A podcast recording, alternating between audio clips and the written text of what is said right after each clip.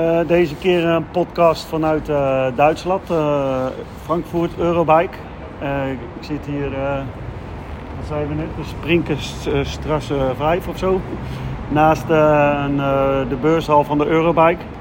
En ik zit hier met, met James Post. ja, misschien kun je jezelf introduceren. Ja, ik heb al um, sinds 1975 zit ik in de professionele elektronica. En uh, om even een heel grote sprint uh, te maken. Sinds eh, 12 jaar ben ik um, gespecialiseerd in, in e-bike accu's. En geef adviezen aan fabrikanten over hoe je accu's kunt ontwerpen die veiliger zijn, die langer meegaan ja. en die ook betrouwbaarder zijn. Want ik had, ik had dan zelf van, ja, ik, ik, zit al, al wat zit ik, al 40 jaar in de branche. En ik, uh, en ik doe veel met, uh, met e-bikes, steeds meer. Ik vond eerst helemaal niks, maar uh, ja, als race ATB'er zou ik maar zeggen. Maar de markt gaat er gewoon helemaal heen, dus ik kan, ik kan, het, ja, ik kan het van me afschuiven. Maar het is, ik ben er gewoon onderdeel van. Ik zie ook de mogelijkheden. Ik, zelf energie, aan de ene kant niet prettig, omdat, omdat het ook ten aanzien van het milieu veel schade aanbrengt. Misschien kun je daar straks nog wat over vertellen. En toen dacht ik, ja, uh, nadat wij op een of andere manier uh, via LinkedIn contact hadden gekregen, ja, aan wie kan ik beter dingen over een accu vragen uh, dan James, zeg maar. Die, die al twaalf jaar zich erin verdiept heeft en, je, en met je ervaring van daarvoor allemaal over elektronica. En, ja. Om even te beginnen bij het milieuaspect.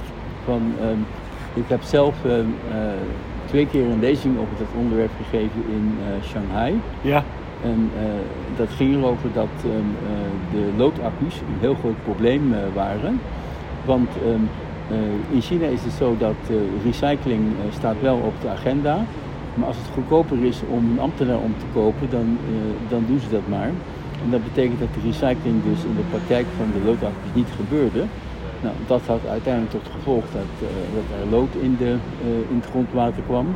En dat betekent weer dat er kinderen doodgingen. Ja. Dus dat was een hele kwalijke zaak. En ik heb daar ook een punt van gemaakt, omdat uh, de autoriteiten die op die lezingen kwamen goed in te peperen. En dat heeft dus um, er mede toe bijgedragen, hoop ik, dat ze ook hebben besloten om lithiumaccu's verplicht te maken. Ja. Want lithiumaccu's die hebben weliswaar wel een aantal gebruiksaanwijzingen waar we het uh, nog over zullen hebben. Maar één ding is, uh, is wel duidelijk, dat ze zijn minder belastend voor het milieu. Je kunt ze ook recyclen. Oké. Of dat altijd ook wel gebeurt, is natuurlijk weer een ander verhaal. Maar goed, daar ga ik dan even niet over. Nee. ja, want dus dat zijn wel wat issues, zeg maar, die, die uh, nou, de, de, en, als het vervolg misschien wel uh, is, is de, de veiligheid ervan. Je ziet ja. af en toe, nou ja, sowieso mobiele telefoons, ja. stepjes, e-bikes, ja. complete accurevisiebedrijven die ten grondslag gaan. Je, ja. Nou, en dit dan... is inderdaad een onderwerp waar ik uh, heel veel mee te maken heb gehad. Uh, uh, het is zo dat toen ik de e-bike wereld binnenkwam, toen ben ik op de Eurobike ook met een aantal mensen gaan praten. Mm -hmm. ja, onder andere met Aniek Roetink, die zoals je weet de, de industrie vertegenwoordigt. Ja. En daar kwam al gauw naar voren dat, dat de veiligheid van accu's in de, in de branche wel als een probleem werd gezien. Omdat uh, ja, toen de tijd was het al zo dat er uh, gemiddeld één pandje per maand uh, opbrandde. Dus dat was toen al serieus en dat was nog maar het begin, want twaalf jaar geleden was alles natuurlijk heel veel minder dan nu. Ja. Dus toen ben ik gaan uitzoeken van hoe komt het nou dat die e-bike dat probleem hebben. En toen viel op dat een van de dingen die niet gebeurt bij, bij accu's, is dat de veiligheid wordt gemonitord. Wat houdt dat monitoren nou in? Dat betekent simpel gezegd dat je gewoon gaat kijken naar van wat is de ontwikkeling van de temperatuur. Niet alleen maar over een korte tijd, maar gewoon over een langere tijd. En zie ik verschillen ontstaan uh, tussen verschillende cellen. Als er voldoende sensors in zitten, dan kun je dat ja, ja. redelijk zien. En ook op de, op de spanningen van de verschillende cellen ook, uh, ook variëren. En met name of er ook cellen bij zijn die veel lager uitpakken dan de andere. Want zijn die- namelijk potentieel gevaarlijk voor overlading. Want die warmte, eh, dat warmteverschil, zeg maar, dat, dat is een van de oorzaken van, eh, van eh, dat het in brand kan. Of kan, eh, Ja, hoe, hoe noem je dat eigenlijk? In, kan het ontploffen Eh, of in brand gaan? Of... Eh, Het heet officieel thermal runaway. Oké, Maar het betekent inderdaad dat hij gewoon de brand niet gaat of explodeert. Dat, Ja. eh, of roken toch? Rook- ja, rook kan ook nog, maar eh, uiteindelijk gaat het roken ook over in vlammen. In vlammen, ja. ja. Ja. Maar, ehm, maar goed, dus eh, acht jaar geleden heb ik op de, op de Battery Safety Conference, en dat gaat dus niet alleen maar over, over e-bike, juist niet eigenlijk, het gaat voornamelijk over elektrische auto's. Ja, En toen de tijd werd de veiligheid van de accu's in elektrische auto's ook niet gemonitord. oké. Eh, ik ben toen eh, de eerste geweest die dat gewoon aangekaart eh, heeft. En ehm, heb daarover op die conferentie ook, eh, eh, ook een forumdiscussie gehouden. Om gewoon te vragen van wie is het ermee eens dat het battery management systeem eh, de, sleutel is om veiligheid eh, te bewaken. En eh, dat waren maar een paar mensen uit een groep van een paar honderd. Ja, ja, ja. Om- omdat de meeste mensen waren gewoon chemici die gewoon zich bezig hielden met eh, eh, allerlei kleine deelaspecten van de, van de accu's, Mhm. maar niet met eh, het battery management systeem. Er was Nee. bijna niemand die daarbij was. Maar er was wel één, één scientist was daar van, van het Center for Advanced Lifecycle Engineering. Dat kennen we hier niet zo goed, maar dat is het grootste accu research instituut van Amerika. Waar gewoon alle grote elektronica fabrikanten, Apple, Packard, noem ze maar op, die zijn daar klant. En eh, die eh, zijn gespecialiseerd in het eh, beoordelen van de lange termijn betrouwbaarheid, dat noemen ze dan in een mooie term de mean time between failure. Ja, ja, oké. Dus voorspellen hoe lang het gaat duren voordat een product kapot kan gaan gemiddeld. Ja, Eh, en ehm, die waren de enigen die toen ook, ook echt input gaven. En eh, twee weken later eh, had ik eh, hun directeur op bezoek in Hongkong, waar ik toen woonde. oké. Ja, ja. En die, die zei toch, wij moeten samenwerken, want kennelijk zijn wij de enigen die dit zien. ja. En toen hebben we daarna regelmatig samen co- conferenties gedaan en, eh, en, en lezingen gegeven. En we kunnen natuurlijk niet zeggen dat wij de oorzaak zijn geweest dat het nu door iedereen gedaan wordt. Maar feit is wel dat eh, op dit moment alle autofabrikanten die elektrische auto's eh, maken, die, eh, die monitoren de veiligheid. ja. ja. En ehm, En dat gebeurt met een BMS, met, met, een batterijmanagement systeem. Dat gebeurt met het battery management systeem. En hoewel de e-bike dus de aanleiding was, is het nooit voor elkaar gekomen om de e-bike industrie ervan te overtuigen dat ze dat moeten doen. Ja, ja. En eh, de oorzaak daarvan is niet dat ze, ehm, dat ze zeg maar, on- maar onwillig zijn, maar waarschijnlijk omdat ze het niet begrepen. ja, ja, ja. Want met name acht jaar geleden was het nog zo dat, eh, dat alle mensen die in het management zaten van e-bike bedrijven, dat waren gewoon mensen die waren opgegroeid met, met spaken en, eh, en bandenplakken. ja. En eh, geen ervaring hadden met, met elektronica. Nee, nee, nee, net als ik. Dus dat ze dat niet begrepen, dat kon ik nog wel een beetje inkomen. Maar ehm, eh, ja, er waren bijvoorbeeld ook uitspraken die, eh, die gedaan werden op een, op een NEN-meeting, dat is een normalisatie-meeting, waar alle e-bike fabrikanten van Nederland aanwezig waren. Waar ik toen zei van nou, voor ongeveer anderhalf euro kun je dus de veiligheid van een accu monitoren. Dat kost extra. Ja, En toen zei een van de grotere fabrikanten, die zei toen, weet u wel wat, 100 wat 500.000 maal anderhalf euro is? ja, Toen heb ik geantwoord, heel veel geld. weet u wat het kost om, eh, om 12 panden opnieuw op te bouwen? Ja, Ja, dat is Ja. verzekeringswerk eh, meneer Vos. ja, dat noemen we dan verzekeringswerk, inderdaad. Ja, ja, Dus, dat, ehm, eh, ja, dat, ja, waar gaat het over? In mijn beleving vaak over bewustwording. Ja, zeker. In, eh, ik eh, zelf ook, zeg maar, wat ik zei al, ik zit al jaren in de branche en steeds meer met die, eh, met die accu's, eh, of met die met de e-bikes bezig en met accu's en ook met opsturen, dat ze gereviseerd moeten worden. Tot ik op een gegeven moment eh, Leen Boers eh, ontmoet en die vertelt dan van ja, eh, als je dat zelf opstuurt, dan ben jij aansprakelijk. En, Zeker. en ik, wat, ik, wat doe ik? Ik leg de, de verantwoording bij de ander. Ik laat het gewoon ophalen. Maar ja, als het een, een tijdbom is, stuur ik nog steeds zelf ook een tijdbom op, zou ik maar zeggen. Ja.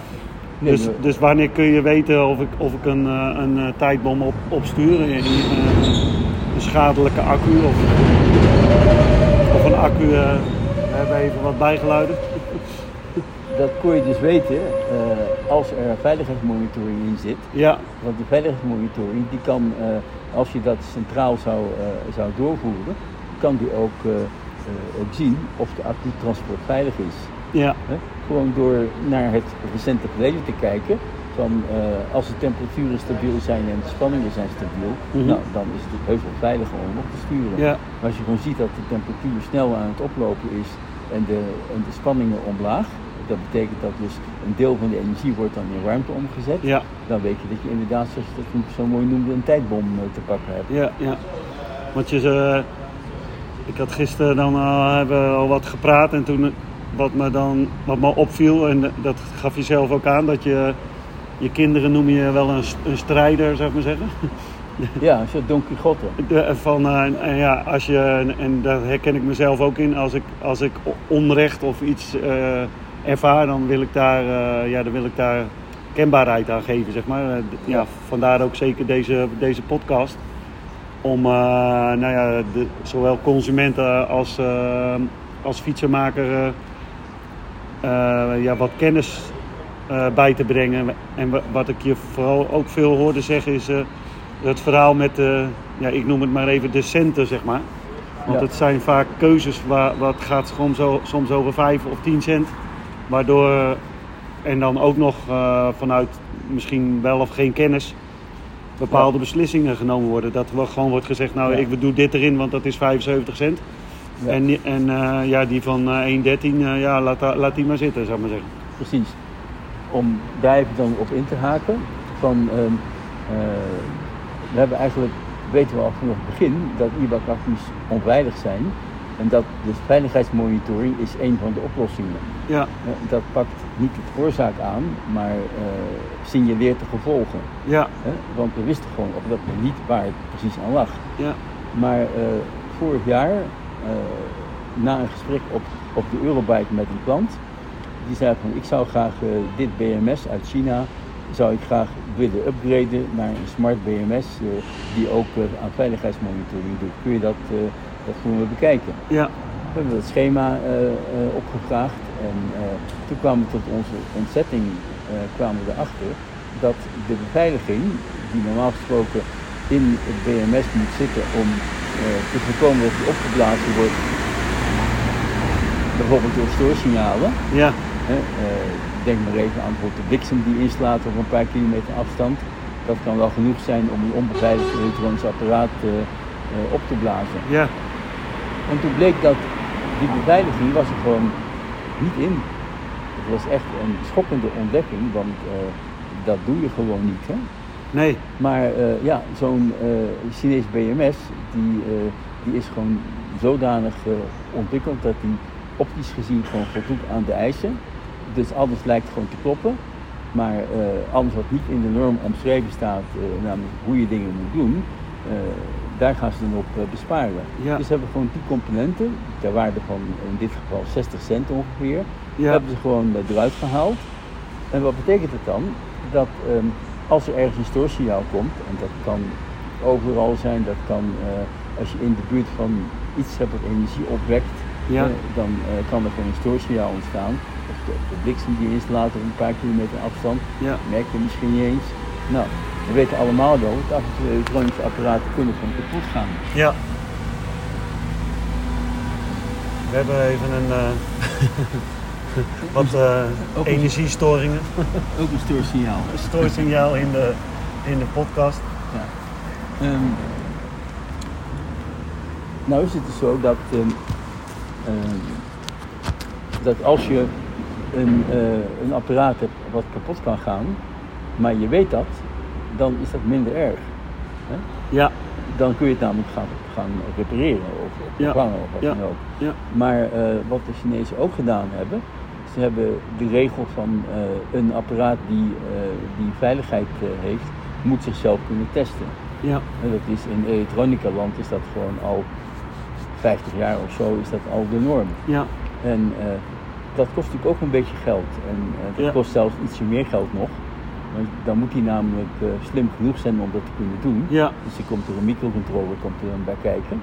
En dat hebben ze ook niet gedaan. Nee, nee. En wat krijg je dan? Dan krijg je dat een apparaat kan kapot gaan. Hè? Dus het BMS kan, die kan kapot gaan. Dat betekent dat hij niet meer als er een onveilige situatie ontstaat, bijvoorbeeld eh, een, eh, een te hoge temperatuur van de cellen, dat kan Ja. gewoon door ouderdom zijn of productiefout of wat dan ook, noem Ja. maar op. Of het kan zijn door, eh, door overlading. Als een van de cellen heel slecht is, eh, dan betekent dat die cel dan, eh, eh, dan gaat overladen. Dat betekent dat alle, alle energie wordt in temperatuur, in temperatuur omgezet. Ja. Dus dan gaat het van kwaad tot erger. Ja. Dat legde je gisteren uit in procenten met dat je dat hij dan eerst eh, zeg maar tot een 70% vollaat en dan, en dan gaat hij eigenlijk steeds hoger. Ja, je zou het zo kunnen zien dat als eh, bijvoorbeeld één slechte cel is, Ja, die bijvoorbeeld nog maar 70% van de capaciteit heeft van de originele, ja, en de andere zitten op 90%, ja. dan is het nivelleren, wat normaal gesproken een BMS-functie is, Mhm. Die kan dat niet meer bolwerken. Die kan maar een paar procent eh, eh, Ja, ja. eh, kan die corrigeren. En als dat ook niet gesignaleerd wordt, en dat doen ze dus ook maar niet, want Nee. het kost allemaal geld, Ja, dan, dan weet je dat niet. En er wordt op dat moment die ene cel, die toch al slecht was, die wordt steeds slechter. Want die krijgt gewoon al die energie die die andere blijven laten, komt ook bij hem terecht. ja, En er is maar één keus. Als je het niet kunt, op, kunt absorberen, wordt het in warmte omgezet. ja, ja. En dan wordt het steeds eh, sterker, tot op waar de kritische temperatuur bereikt wordt. En dan eh, komt er dus een feestje met rook of eh, brand of explosie. Ja, Zo komt dat. ja het zijn wel feestjes, maar geen leuke feestjes. Precies. En ehm, hoe vaak komt dat nou voor? Nou, we hebben wel wat getallen over. Met name in China hebben we daar heel betrouwbare getallen over, omdat we weten hoeveel, hoeveel accu's eh, daar gebruikt worden. We weten ook dat het allemaal domme accu's eh, zijn. Ja, En allemaal hebben ze hetzelfde ontwerp genomen zonder beveiliging en zonder eh, zelftest en zonder wat voor checks dan ook. mhm. En ehm, daar is het zo dat ongeveer 1 promiel van de accu's die in de markt staan per jaar, dus 1 op de 1000, ja, die gaat in vlammen op. ja, En dat is ehm, eh, geregistreerd door veiligheidscamera's. Oké, ja, ja want dat is daar helemaal, eh, Elke straathoek eh, weet je van. ja, Het enige wat je niet plus weet, wat je niet ziet, zeg als, maar. als, In, als het in eh, de woonkamer gebeurt terwijl een paar maanden slapen zijn, ja, daar zijn ook natuurlijk nog wat horrorverhalen van bekend. ja, Ook in Europa zijn er ook doden gevallen. In Amerika weten ze precies hoeveel doden er zijn. Sorry voor het negatieve onderwerp, maar het is toch wel belangrijk om het even te noemen. Ja, wij, ja, mede ook een reden van de podcast, zeg maar. Want eh, sowieso wat je, wat je vertelt is eigenlijk dat we, eh, ja, dat er dus eigenlijk, ja, ik wist dat er slimme en domme systemen waren, zeg maar. Eh, Ik had altijd van, zeg maar, de Bosch en de Bavang en zo, die hebben dan slimme systemen. En het slimme verstond ik dan onder, ja, dat ik het kan uitlezen en, en allemaal dat soort dingen. En dat er domme systemen zijn. En ik had daar nooit ook niet echt zozeer van gemaakt dat is goed of fout. In de zin. Nee. Eh, maar, maar nu blijken er dus in de, in de domme systemen eh, heel veel onveilige batterijen rond te. Ja, en dat komt zo dat, dat als jij eh, een fabrikant bent van, eh, van domme BMS'en, Mhm. en die kosten bijvoorbeeld, ehm eh, noem maar wat, ehm, eh 4 euro of 6 euro per stuk of zo, Ja, en je gaat daar een, een aantal beveiligingen uithalen ter waarde van een, van een eh, paar euro's, ja, dan is dat een besparing van 30 of 40 procent van het totaal. ja, heb je een, een eh, smart eh, BMS die eh, enkele factoren duurder is, bijvoorbeeld 20 of 30 of 40 euro, ja, dan is het natuurlijk waanzin om daarop te gaan besparen eh, van 60 cent of, of 2 euro of 3 euro. ja, ja. Dat doe je gewoon niet als westerse ontwerper. Eh, die zou gewoon eh, onze baas op de kop krijgen dat hij gewoon eh, het in zijn hoofd gehaald heeft om de beveiliging eruit te halen. Ja. Want, en, en ik hoorde ook nog dat je zei van, eh, dat het dan op een gegeven dat, dat er nu er een, een weten is, bijvoorbeeld ook bij de Chinese fabrikanten, dat ze het nog steeds niet monteren, want ze doen het in opdracht van de leveranciers. Ehm, ja, Om, omdat, ja, dan Ja, zeggen kijk, ze... het systeem zit een beetje complex in, in, elkaar. Laat ik eerst even beginnen met toch te stellen dat eh, eh, de grotere bekende fabrikanten, zoals Bosch, eh, Shimano, noem maar op, die hebben die veiligheid wel gerespecteerd. Ja, ja. Dus op dat banale niveau van die beveiliging eruit slopen, dat is echt het allerergste wat je kunt doen. Ja, in- mijn ogen zelfs misdadig. hè? ja, ja, ja. Van, net zo erg als die Chinezen die gewoon eh, je antivries in, eh, in de babyvoeding eh, deden om het gewoon een hoger eh, proteïnegehalte te ja, geven. ja. Net zo erg wat mij betreft. Ja. Die westerse fabrikanten, die doen dat gewoon niet. Nee. Dus ik ben nog geen BMS tegengekomen en ik heb er heel veel gezien van fabrikanten Ja. die op, dat niveau het niet afweten. Maar dat betekent dat een, een Bosch, een Bavang, Shimano, dat soort merken niet, niet in de brand kunnen vliegen. Nou, zo erg mag je het nou niet stellen. Het is niet zwart-wit. Ja, van, ehm, eh, het is zo dat, ehm, eh, dat als je een beveiliging hebt, dan is die beveiliging die helpt tegen signalen tot stoorsignalen tot een bepaalde hoogte. ja, Ja, Als je bijvoorbeeld vlak naast, ehm, eh, naast waar je zit een blikseminslag komt, dan gaat alles kapot. Eh, hoe goed het ook beveiligd eh, ja, ja, is. ja, ja. Dus 100% zekerheid heb je niet. En om 100% op safe te spelen, moet je dus eigenlijk die zelftest hebben. ja. Die zelftest die, eh, die registreert gewoon van eh, ik werk niet meer, dus ik moet dat kenbaar maken. ja, ja. En dat kan je doen door knipperende lampjes, eh, door het op een display te zetten, Ja. of door een buzzer, buzzer aan te zetten. Ja, En dan is het feit dat dat gebeurd is, wat op zich al een uitzondering is, want eh, ik denk dat het aantal gevallen eh, dat een, eh, een goed ontworpen BMS kapot gaat, dan praat je waarschijnlijk over, over één of enkele op 10.000 of zo. ja, ja. Een heel andere orde Grotere factor, ja. Ja. Dus, ehm, eh, Maar helemaal uitsluiten kan het niet, want ik, ik, ik een tijd geleden had ik iets op LinkedIn gepost. En toen werd ik met name door de, wat men dan in Nederland soms aanmerken noemt, zo Mhm. van nou ja, dat ik een onruststoker was.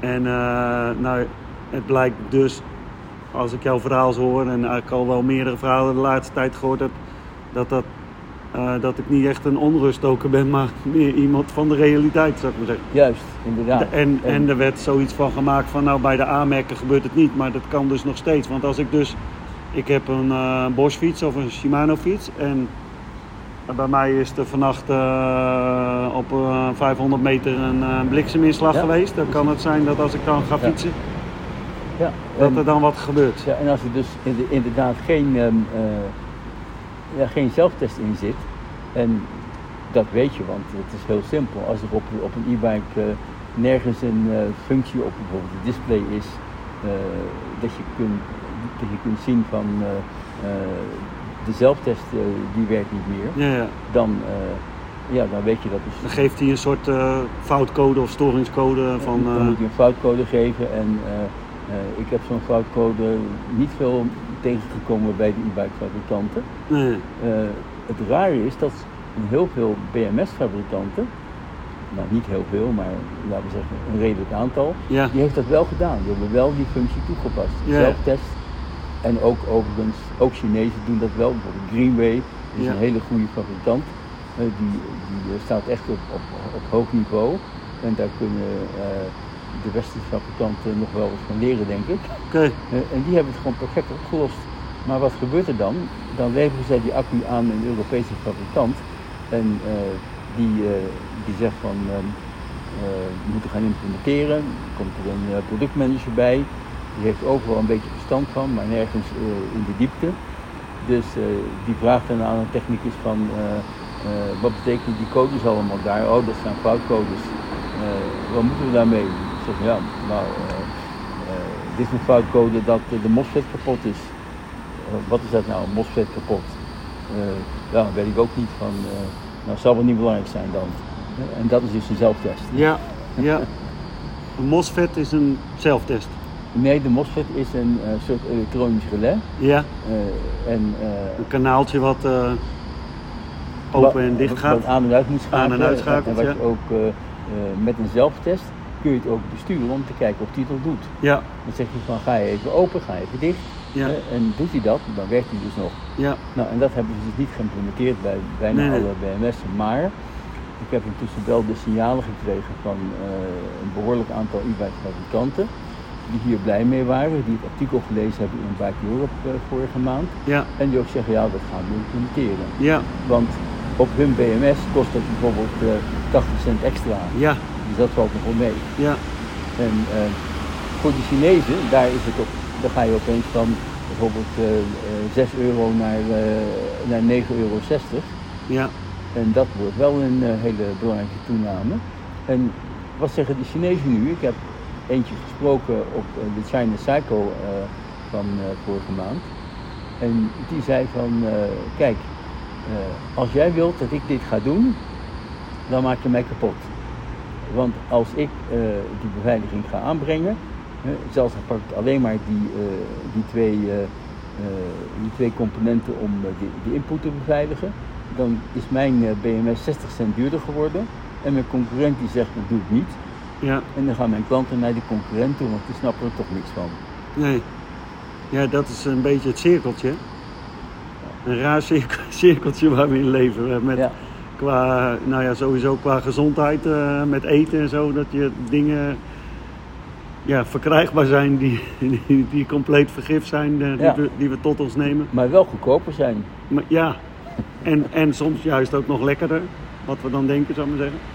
Precies, nou En- ja, die en- zijn... eh, En dat goedkoper is ook vaak eh, inderdaad een reden om het wel, wel te kopen, zou ik maar zeggen. Van, eh, nou ja, het is toch niet zo duur. ja, precies. Maar met, ja, wat ik eigenlijk had, ik heb het zo'n uitspraak van, van nou ja, de, de rekening betaal je altijd achteraf, zou ik maar zeggen. Zeker. Net als je bij een restaurant, dan, als je nadat je gegeten hebt, dan weet je in één keer, oh ja, het kost zoveel. En je kunt natuurlijk van tevoren bekijken. Maar met je gezondheid, eh, dan wel met het aanschaffen van een e-bike. eh, de schade weet je eigenlijk altijd pas achteraf en, Ja. en de rekening komt dan ook. En ja, ja de schade is in, eh, in geld, in onderhoud, maar ook in schade van eh, Ja. invloeden van buitenaf. Door ri- risico's die niet gezien worden met vallen van accu's. Nou, als we even kijken naar eh, de gegevens die er dus zijn hè, over eh, de onveiligheid van e-bike-accu's. Ja, Eh, die zijn het slechtst geregistreerd in Europa. Omdat om de een of andere malle reden heeft eh, de Europese Commissie besloten om, eh, om bij de oorzaken die kunnen worden aangevinkt van, van, van branden in panden, om daar e-bikes niet bij te noemen. nee, nee, dat is natuurlijk niet slim om dat erbij te zetten. Dus dat, dus dat bestaat niet. Dus als ze het niet weten, dan zeggen ze overig, weet niet. Overig, ja. ja. Dus, ehm, eh, dus daarom bestaat de illusie, omdat het weinig in het nieuws komt. Het komt alleen maar in het nieuws als het gewoon spectaculair is. Als het bijvoorbeeld, eh, nou, net zoals Stella, ja. dan, eh, daar is, is ook meerdere keren is, zijn de e-bike-accu's in de brand gegaan. Maar ja, En, en, en wat was de reden bij, bij, bij, dat, bij die gevallen? kortsluiting, Kortsluiting in, eh, in opslag of eh, in. eh, dat maakt niet uit. maakt niet uit. De gewoon, ja, kortsluiting is, een, ja, is heel duidelijk inderdaad uiteindelijk. En, ehm, maar goed, ehm, eh, waar we nu over, over praten is over de situatie dat als we kijken naar China, waar dus bijna alle eh e-bike accu's eh, dat low-end BMS hebben, die Ja. dus gevaarlijk is. Ja, Dan, ehm, eh, als we kijken naar de statistieken van de Chinese regering, dan waren er bijvoorbeeld vorig jaar in de eerste zes maanden van het jaar, waren er 6500 door security camera's geregistreerde e-bike ongevallen Mhm. op, op straat. ja, ja. Dus dat betekent tijdens het ontladen. Hoeveel er gebeurd zijn in woonkamers eh, eh, waar geen security camera's staan, hoop ik. Nee. nee. Nou ja, misschien ook wel. Maar, Het komt nog wel. Dan, of het ehm, is er al. dan, eh, als je dat omrekent naar het aantal e-bikes eh, die op dat moment ehm, eh, op de markt waren, dan is het ongeveer 1 per duizend die dus problemen oplevert. Ja, Als je dat eh, projecteert op het aantal e-bikes geschat met zo'n low-end BMS, dat zijn zeg maar de 800 euro e-bikes zijn daar gegarandeerd van voorzien, ja, dan praat je over waarschijnlijk rond de 300.000. Als we kijken naar het aantal, gebrand, aantal eh, brandgevallen met e-bikes, die worden geschat. Die hebben ze, journalisten hebben dat gedaan op basis van het eh, afspeuren van eh, regionale bladen waar brandjes in gemeld worden. mhm. Want landen, landelijke bladen die schrijven daar Nee, niet die over, schrijven interessant. Dus dan- kwamen ze op, op een aantal van tussen de 120 en 300 geschat, afhankelijk van de sources. Nou, dat klopt aardig, want 300.000, 1 promiel ja, is 300, ja, dus dat kon wel eens kloppen. ja, ja, ja. Dus dat ligt aardig in de richting. Ja. Is dat een groot gevaar? Ja, nou, eh 1 op de 1000 eh, eh, bij een loterij is de kans veel kleiner. ja. Maar, ehm, En dat doen we allemaal aan mee. maar wat ik zeg is van, als je weet dat je een accu hebt die potentieel in de gevarenzone zit, en ik kom zo er even op terug hoe je dat kunt zien, dan eh, zou ik in ieder geval zeggen van nooit meer opladen zonder dat je erbij bent in een brandgevaarlijke ruimte. Ja. Bijvoorbeeld in de woonkamer. Als je een schuur hebt waar, eh, waar niks eh, brandgevaarlijks staat en je hebt een stopcontact, leg er maar links toe naartoe, dat is veel veiliger. Ja. Dan heb je het goed, goed afgedekt. Ja. Maar dat is, wa- wat is dat dan? Dat is dan een oplossing. Maar Nou er dat- is een andere oplossing door, door zo'n, wel zo'n veilige BMS erin te zetten. Ja, het is natuurlijk zo dat eh, zelfs als fabrikanten ertoe overgaan om, eh, om BMS te vervangen, dan eh, zijn alle accu's die in de markt staan, die zijn natuurlijk nog niet opgelost. Nee, En daar zijn dus twee oplossingen voor. De ene is om gewoon echt te zorgen dat je nooit oplaadt terwijl er niemand bij is. ja, ja, ja, En br- in wat gevaarlijke ruimtes. ja, De andere oplossing is, is om, eh, om het eh, BMS te vervangen.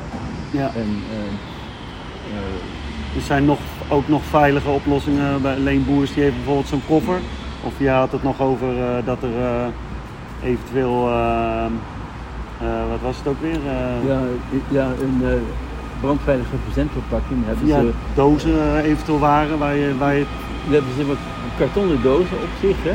Dan zou je denken, die zijn helemaal niet brandveilig, maar daar hebben ze een eh, speciale schuim in aangebracht. Die, eh, eh, die zeg maar de hele vlammen gewoon absorbeert. En aan, de, aan de buitenkant zie je dan niet eens dat er een brandje geweest is. ja, Dus, maar dat is voor de verzending.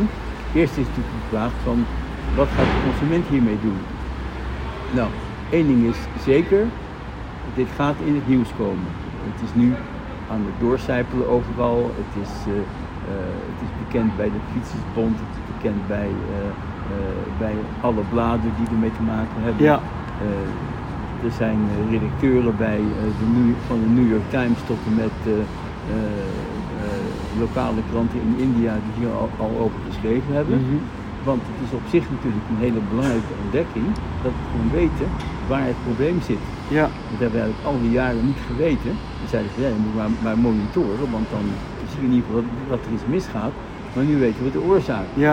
En de oorzaak aanpakken is natuurlijk altijd beter dan de gevolgen gaan, eh, eh, gaan ja, dat is een beetje standaard wat er altijd gebeurt, zou ik maar zeggen. Ja, Niet naar de oorzaak van de oorzaak kijken, maar naar maar symptoom bestrijden. Van, Ja. ja.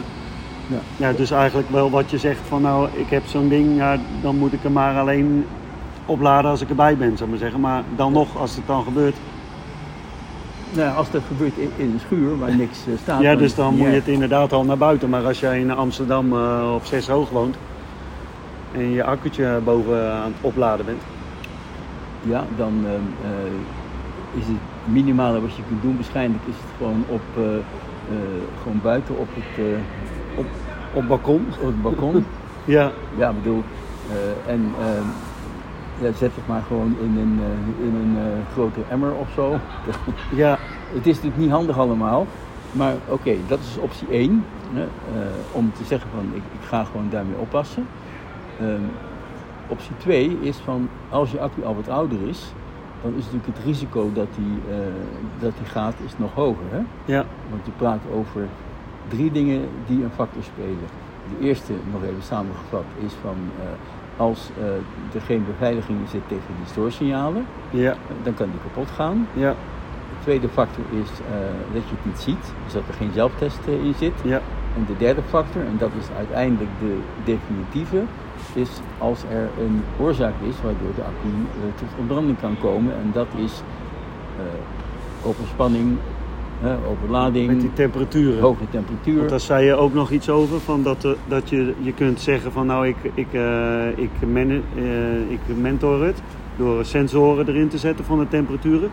Maar dan zetten ze soms maar één sensor erin, of, of, waardoor je eigenlijk nog geen reëel beeld hebt. Nee, dat, nee, dat klopt. Van, dat is een, eigenlijk een ander probleem. Het is gewoon, Ja, een groot, nou ja, dat geeft toch de impact aan van wat, dat wat is er- gewoon ontwerpbesparing eh, eh, nummer twee. Ja, ja, Dat is van, ehm, eh, als je een accu ontwerpt, dan kun je daarvoor een aluminiumbehuizing gebruiken. Die dus de warmte goed naar buiten geleidt. ja, Dat leek mij altijd beter, maar oké, ik ben ouderwets. ja. Maar Want er is geen één behuizing van aluminium eigenlijk, toch? Of, ja, nou, die zijn er nog zijn er wel, Van, eh, inderdaad, ja. Ja. de, de oudere Mohikanen zeggen ze dan geloof ik. ja, Eh, maar ehm, het is veel goedkoper om een kunststof te maken natuurlijk. ja, En ehm, eh, als je een kunststof verhuizing maakt, dan is, is eh, de esthetiek daarbij natuurlijk belangrijker dan op, de, op de cellen wel aan, de, aan de buitenkant zitten. Dus Ja. ik ben ook veel ontwerpen tegengekomen waarbij gewoon in het midden van de behuizing ook cellen zaten. Nou, je hoeft geen, geen ehm, genius te zijn. thermoloog te zijn, zeg maar, om, eh, eh, om te begrijpen dat als je één cel hebt die omsloten is door, eh, door vier andere, Ja, eh, dat hij dus de warmte nooit kwijt kan naar de Nee. buitenkant. En dat die cel dus ook de eerste gaat zijn die, eh, eh, die eh, slecht gaat worden. ja, Ehm, maar dat ehm, hebben de ontwerpers die dus die, die fraaie eh, behuizingen hebben ontwikkeld, eh, daar heb ik nooit aan gedacht. Want Nee. eh, die hebben gewoon die opdracht ook niet meegekregen. nee. Maak gewoon een mooie behuizing en Ja. eh, niet te duur gaan. Dus zo goedkoop mogelijk eigenlijk. Dus ehm, wat gebeurt er dan? Dan eh, de volgende be- besparing is van je kunt een kunststofbehuizing nog enigszins warmtegeleidend maken door er bijvoorbeeld grafiet aan toe te voegen. Ja, Maar dat kost alweer een paar dubbeltjes. ja, dus dat weer, En als je dat niet doet, dan spaart het toch weer uit en dat telt allemaal bij elkaar op. ja, het is weer die eh, anderhalf miljoen eh, fietsen die eh, Ja, zoveel geld schelen. ja precies. Dus ehm, eh, Maar Dus- dat flatgebouw wat in de brand vliegt, dat... Ja. Dus dat is helaas hoe, hoe de vork in de, hoe de, vork in de, nee, in de stil zit. En ehm, als we nu eens kijken wat er nu gedaan moet worden, wat mij betreft, dan eh, hebben we een aantal trajecten apart lopen. Eén daarvan is om op te sporen wie de importeurs zijn van, eh, van die accu's, die low-end accu's. Ja. En ik kom er zo nog even op terug hoe je dat kunt herkennen. ja, Eh, dat valt niet mee, want ze zijn nergens geregistreerd. Je kunt niet ergens in een tabel opzoeken, zoals Ja. je bij bijvoorbeeld eh, de Eurobike eh, gids kan pakken. nee, Daar staan niet de importeurs in van die goedkope accu's. nee, Eh, die, die zijn wel bekend, maar niet bij mij, maar wel bij de dealers. De dealers die die accu's verkopen, die kopen ze van die importeur, die weten dat wel. Nou ja, ik, ik weet niet waar, wel, welke fiets ik allemaal maak wanneer ik een, een ja, soms wel wel of geen BM, nou, de, ja, wel of geen BMS, dat weet ik soms. Nou ja, Of ze hebben, geen- ze hebben altijd wel een BMS, Ja, maar eh, zeg maar zo'n domme of smart of, smart eh, of of niet. Ja. Nou, er is één manier waarop je dat heel makkelijk kunt herkennen. En dat is dat bijna alle smart BMS'en die kunnen communiceren naar buiten toe. Mhm. En eh, wat die ook doen, is dat ze ook meestal, bijna altijd, communiceren met het keyboard. Ja, Eh, en heb je het dan... Met eh, het, ehm, ehm, ik zeg het verkeerd, met de, met de lader. Hè? Goedemorgen. ja, met de lader, want daarop... eh, Ja. ja, daar, ja, via daar komt het binnen. Ja, dus dan, ehm, eh, dan communiceren ze met de lader en daar zijn allerlei overwegingen voor hoe dat ze kunnen doen. Een van is dat je hem alleen maar kan opladen met de lader die zij verkopen. Ja, En, daar gaat ook nog wel wat mis. Want ik weet eh, veel consumenten die, die eh, eh, nou dan is de lader kapot en dan zoeken ze op internet een lader die erop lijkt. Mhm. Ja, die heeft ook drie pinnen. ja. En dan gaat die erin, zeg maar. Maar de- wat er allemaal op staat op die... ja, ik, voor mij is het ook af en toe abracadabra. Ja. Waar moet je nou wel, waar moet je nou niet op letten. Maar Ja. Ja, als je dat kijkt zijn naar, nog, nog zes andere podcasts, denk ik. Maar, Ja. Als je kijkt naar een, een lader met drie pinaansluiting, dan zou het in theorie mogelijk kunnen zijn om daar communicatie mee te doen. Maar eigenlijk is, eh, is één signaal eh, is gewoon niet een betrouwbare methode. Dus Nee. dat doet men meestal niet. nee, Dus ehm, eh, vaak als ze een driepolige connector toepassen, dus een DIN connector, dan doen ze dat omdat het een lekkere stevige connector is. ja. En daar wordt ehm, maar twee van de aansluitingen gebruikt. En bij oudere accu's van die Nikkel, Nikkel MH accu's, die ehm, hebben nog wel eens een keer dat ze daar een, eh, een temperatuursignaal van, van op eh, pakken. Ja, Maar bijna, zeg maar, alle accu's die, eh, die smart zijn, die kunnen communiceren, die hebben vier of meer aansluitingen. ja, ja. Dus als je minder aansluitingen hebt, dan, dan is het een kwestie van kijken of die, eh, of die, die andere signalen die er zijn aangesloten zijn of Ja, niet, of ja, dat ja, op zit. ja. Als er iets op zit, dan is er communicatie. Je, Maar het is ook al zelfs gevaarlijk dat, dus dat als je, er kunnen ook zes eh, aansluitpunten op zitten, of zes pinnen, maar, maar het kan ook zijn dat ze niet allemaal aangesloten zijn. Ja, hoewel het wel wat raar is om het zo te doen. Want, ja, want waarom zou je zo'n dat... kostenverhaal ook weer natuurlijk, want dan hadden ze gewoon goedkoper erop Bij de driepolige is dat nog te, nog te begrijpen. Ja, Die, die driepolige DIN-connector is inderdaad heel stevig. ja, dus dat is een goede keuze wat dat betreft. En die komt ook regelmatig voor. Maar wat ik al zei, van, eh, je kunt met, met één signaal kun je wel eh, communicatie doen, maar dan is het niet betrouwbaar. nee, bij communicatie moet je eigenlijk altijd moet je twee kanten uitgaan. En eh, dan is kun je. mensen ook wel zo'n probleem. Ja, precies. Want, want als ik namelijk iets, iets, iets naar jou roep, dan is het van eh, over. En Ja, dan zeg jij, oké, over, over. over en sluiten. En dat werkt niet 100% eh, lekker, zeg maar. Nee, Dus daarom doe je er gewoon vaak een extra pinnetje op. Ja. Dat kost nog niet zoveel, dat is een paar Nee. cent. ja, Dus ehm, je kunt heel grofweg zeggen van als een accu vier pinnen of meer heeft, dan is hij eh, gegarandeerd, eh, eh, vrijwel gegarandeerd, is hij dan smart.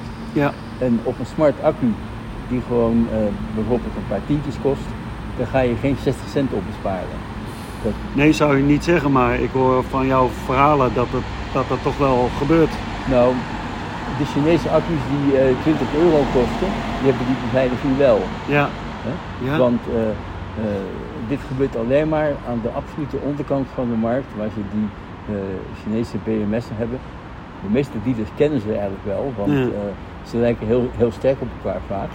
Maar dan heb ik, bij mij gaat nu al zo'n radertje aan van, je hebt dus eigenlijk, eh, of, of zijn dat onderdelen, maar dat, dus dat een accu, want de accu's kosten 4, 5, 600 euro, of reviseren ervan kost 4, 5, 600 euro. Wordt er dan zoveel verdiend aan die, aan die accu's? Dat zou ik nu als consument denken of als fietsenmaker. Nou goed, dan praat je dus over de... Over de Het is alleen het geheel, want je hebt ook nog de behuizing en eh het hele Ja, kijk, rattenplan erbij natuurlijk. Kijk, die Chinese accu's eh, die, eh, eh, die zijn natuurlijk veel goedkoper. Die, die kosten geen 500, 600 euro. Nee, die nee. kosten bijvoorbeeld 300 euro of Ja, zo. ja. En eh, En ligt ook nog aan de capaciteit natuurlijk, of je dan eh 300, 400 of 500 wattuur hebt. Tuurlijk, maar, maar duidelijk is dat, dat die goedkope accu's met het eh, goedkope BMS zijn natuurlijk een stuk goedkoper. En, eh, eh, en kijk, dat je accu's verkoopt met een kortere levensduur, oké. Ik ben er geen voorstander van, maar ik kan me voorstellen dat er mensen zijn die dat willen. Maar op, de- op de veiligheid besparen is echt een doodzonde. Dus, ehm, eh, dus dat moet gewoon veranderen. En het is nog niet duidelijk hoe dat precies gaat gebeuren. Maar eh, wat mij dus een, eh, een goede mogelijkheid leek, is als we gewoon dus eh, de dealers ver- vertellen hoe de vork in de stil zit, Ja, door daar een artikel over te, over te publiceren, ja, dan, kunnen de dealers ook voor zichzelf nagaan, oké, welke accu's heb ik die aan dat patroon voldoen. Ja, en dan weten ze vaak wel dat, oh ja, dat zijn die goedkope accu's die, die de firma Hoppelop op eh, aan mij verkoopt voor, eh, voor 200 euro. ja, En die veel goedkoper zijn dan eh, de West-Europese accu's. Die, die weten dat wel. Dan kunnen ze ook die eh, importeurs ook, ook zeggen van kijk, eh, er, is een, eh, er is onveiligheid bij, de- bij deze accu's mogelijk. Neem contact met ze op. Van, Ja. eh, en dan, eh, ze kunnen ook het artikel in Bike Europe lezen waar gewoon zelfs schema's bij staan over wat ze kunnen veranderen. ja, Nou, via die importeur kun je dan weer de fabrikant benaderen. En de fabrikanten in China zijn wel bereid om het aan te passen als er betaald wordt. Hè?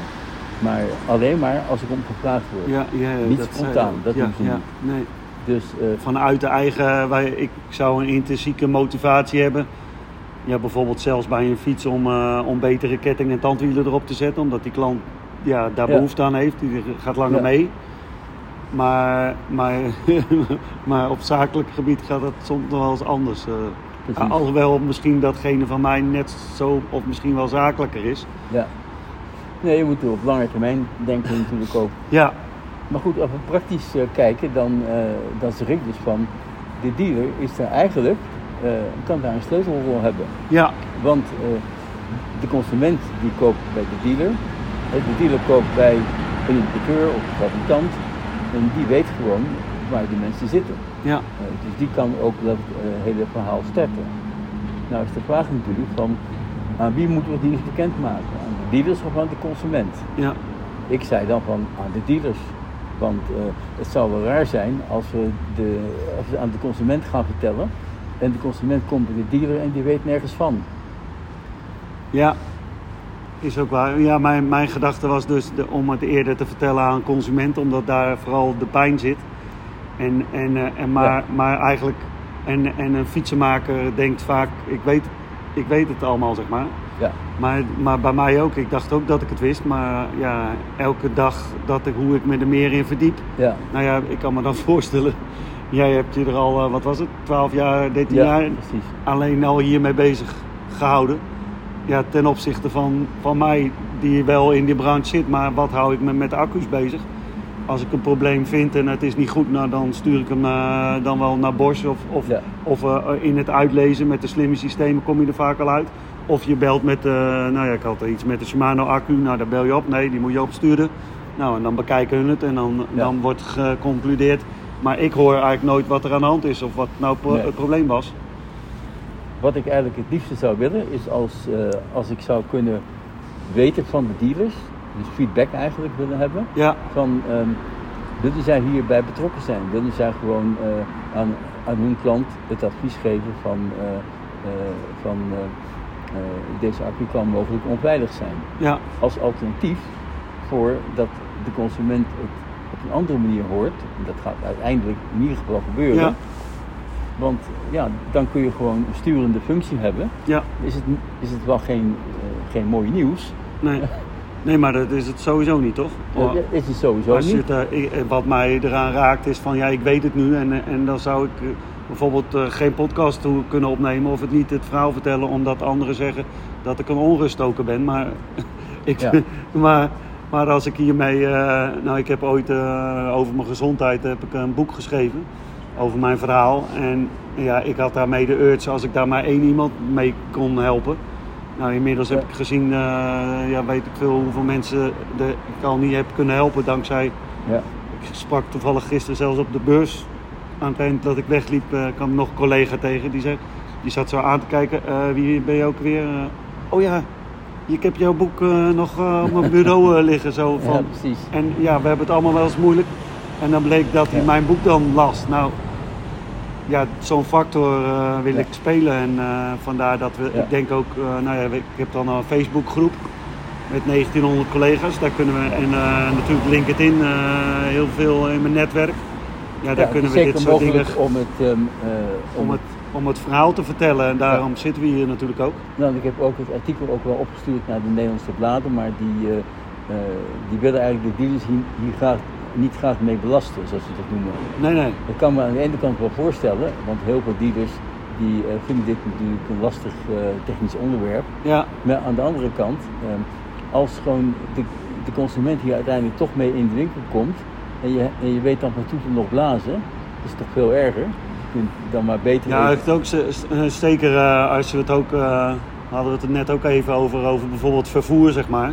Mhm. Eerder, en dat, ja, dat voel ik me, ik, eerder stuurde ik het gewoon eh, wel in een, eh, ja, in, een, eh, ja, in, een, in een doos waar ik ook eerder een nieuwe accu in gehad heb. Want het blijkt dus dat een nieuwe accu mag je wel verzenden. Mhm. En een gebruikte accu mag je alleen maar, als ik het verstuur, ja, ben ik ook verantwoordelijk, zeg maar. Ja, dat is zeker een heel belangrijk punt, die aansprakelijkheid. Hè, want ja, degene die, eh, eh, die de accu eh, verstuurt, is inderdaad verantwoordelijk. Dus dan heb ik een accu van een klant. Die, en die accu, want dat had ik laatst. En die accu was gevallen. En die klant zei dat hij niet gevallen was. En later blijkt dat het bijna een tijdbom was. ja. En even later zie ik ook die klant, de dochter van de klant, die met die fiets gereden had. Ja. En de fiets zag ik. En toen zag ik dus dat die, want ik moest uiteindelijk zelfs een nieuwe drager erop zetten. Omdat het, die klant was gewoon gevallen en ze had de arm. En dan, toen zei die vrouw, oh ja, dat wist ik eigenlijk niet. Zo, zo heel raar. Ja, ja, maar de, ieder, zij wist dus wel degelijk dat hij gevallen was. Ja. En eh, ja, dan moet je een hele nieuwe accu en drager en zo erop zetten. En dan ben je 500, 600 euro verder. Ja. ja, de revisiebedrijven die hebben dat nog niet helemaal goed eh, opgepakt. Eh, die, die denken waarschijnlijk weer van ja, het is wel een stuk duurder om het te versturen met een ADR-code erop. En, maar dat is het versturen. Maar als je dus nu al eh, die BMS, eh, die er dus nu is met een, een beter, er is nu een betere BMS toch? Die je, die je in, een, in je accu kan zetten, dat die wel, die Kijk. domme systemen wel veiliger zijn, zou ik maar zeggen. Wat we inderdaad nu aan het doen zijn, is om, eh, om een eh, BMS te maken die eigenlijk alle andere kan vervangen. En die zo slim is dat je ook, eh, eh, dat je ook als je hem verkeerd aansluit, dat je dat zelf ziet Ja. en het niet accepteert. Ja, Dus, ehm, eh, want alle spanningen die op, die op de accu zitten, zijn allemaal logisch. Hè? Die zijn eh één cel, nog een cel hoger, nog een cel hoger. Dus eh, dat kun je gewoon meten. meten, ja. En dat BMS is slim genoeg om dat ook te kunnen meten natuurlijk. Dus, dus als je dan verkeerd wil aansluiten, dan kan je dat gewoon stoppen. Ja, Dan kun je gewoon zeggen, dat, dat doe ik niet. ik laat jou niet. Nee. Ja, dus dat is in ontwikkeling en dat zal op het moment dat blijkt dat men dat ook wil doen, dan, dan kan dat eh, eh, aan het begin van de winter kan dat, eh, dat klaar zijn. Ja, En of je dan dat, dat BMS wil vervangen, is natuurlijk wel een vraag van of de consument daar geld aan wil besteden. ja, want het is, het is een keuze van ofwel ik moet gewoon constant op de kivive zijn, ofwel ik geef er bijvoorbeeld ehm 60, 70 euro aan uit. Want ja, het heen en weer sturen met een dure verpakking kost ook wel natuurlijk geld. ja, En eh, dan het arbeidsloon wat, wat erbij komt kijken. ja, En eh, dan kom je al gauw op, op een eh, zeg maar 70 euro. Doe je dat via een dealer, dan heb je natuurlijk dat verzenden alvast weggehaald. Ja. Dat maakt het dan stukje goedkoper. Dus daarom zou het mij betreft logisch zijn als een dealer dat doet.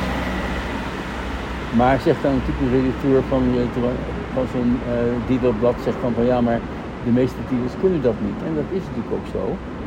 Wij hebben gezien dat ongeveer 15% van de dealers moet in staat worden geacht om een BMS te kunnen vervangen. mhm, Dat is ook genoeg, ja, want eh, eh, heel vaak is, is de praktijksituatie al dat als een dealer niet weet hoe hij een BMS moet vervangen, dan stuurt hij naar een collega of brengt hij naar een collega ja. in de naar een revisiebedrijf. die dat wel kan, Ja, of een dealer gewoon die het kan. Er zijn er heel veel die het best wel kunnen. ja, En als ze het niet kunnen, kunnen ze ook een cursus komen volgen natuurlijk. Dat is niet zo moeilijk. ja, Maar het probleem kan dus opgelost worden via de dealers, maar zoals de vlag er nu voor hangt, eh, is het een probleem om de dealers eh, te bereiken.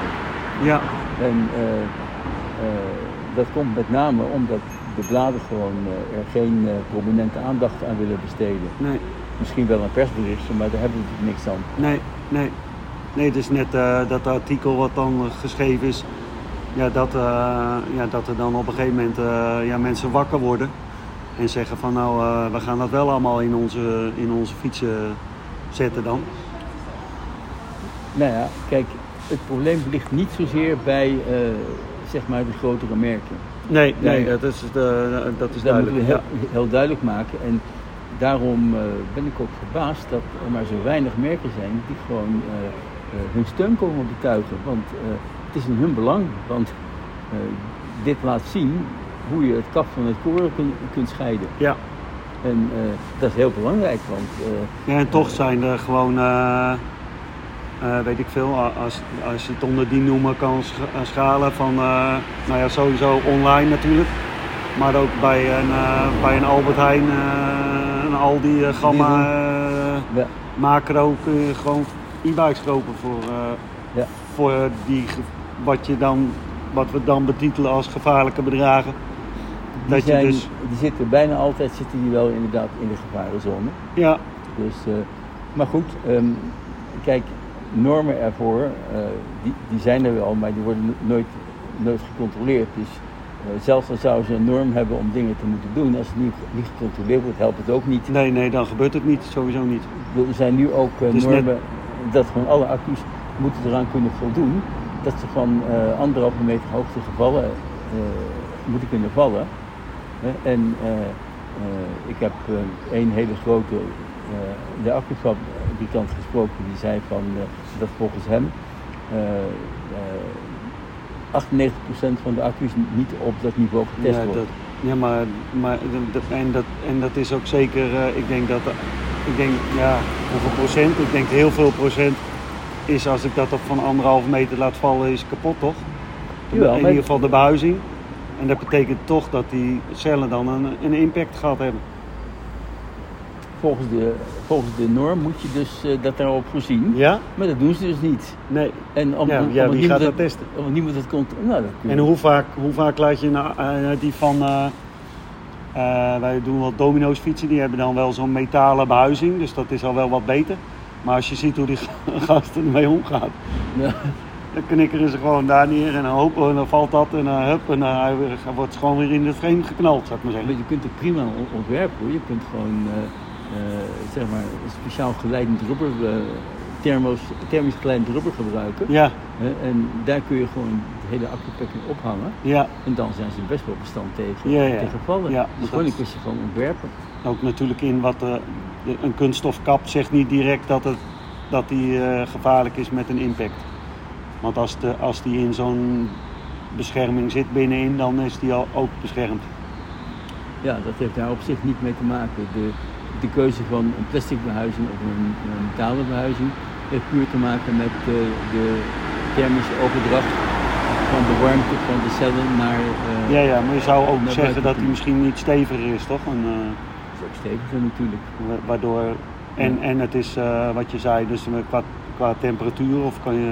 eh, Ja, ja, ja, temperatuuroverdracht. Want als een cel warm wordt eh, en, eh, eh, je gaat die als het ware koelen met, eh, met de behuizing, dan wordt de warmte sneller overgedragen aan, eh, aan de omgeving. ja, Dus wordt de cel minder warm. ja, Zo simpel is het. ja.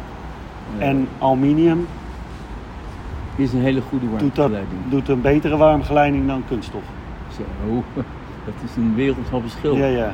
En, eh, maar het is in de e-bike wereld dus zo slecht dat bijna alle accu's, niet van Bosch weer natuurlijk, hè, maar gewoon, gewoon de, de anderen, zeg maar, Ja. de low-end, ja. die eh, voegen niet eens een, eh, een warmtegeleidende component eh, toe, een toevoeging. ja. Dat doen ze niet eens. Voor een paar dubbeltjes gaat het wel mis. Dus er zijn eigenlijk wel een paar dingen in die wat goedkopere accu's ja, die, die verbeterd zouden moeten kunnen worden. Ja, maar dat zie ik niet, zie ik niet zo gauw gebeuren. Van, kijk, eh, er kan op een bepaald moment misschien wel een, eh, wel een wet komen of een norm komen die zegt van eh, je moet een zelftest eh, hebben en je moet gewoon een, een beveiliging hebben tegen distorsignalen. Ja. Transient voltages heet dat dan in vaktermen. Ja. Nou, als je dat specifiek zou omschrijven, dan kun je dat probleem oplossen.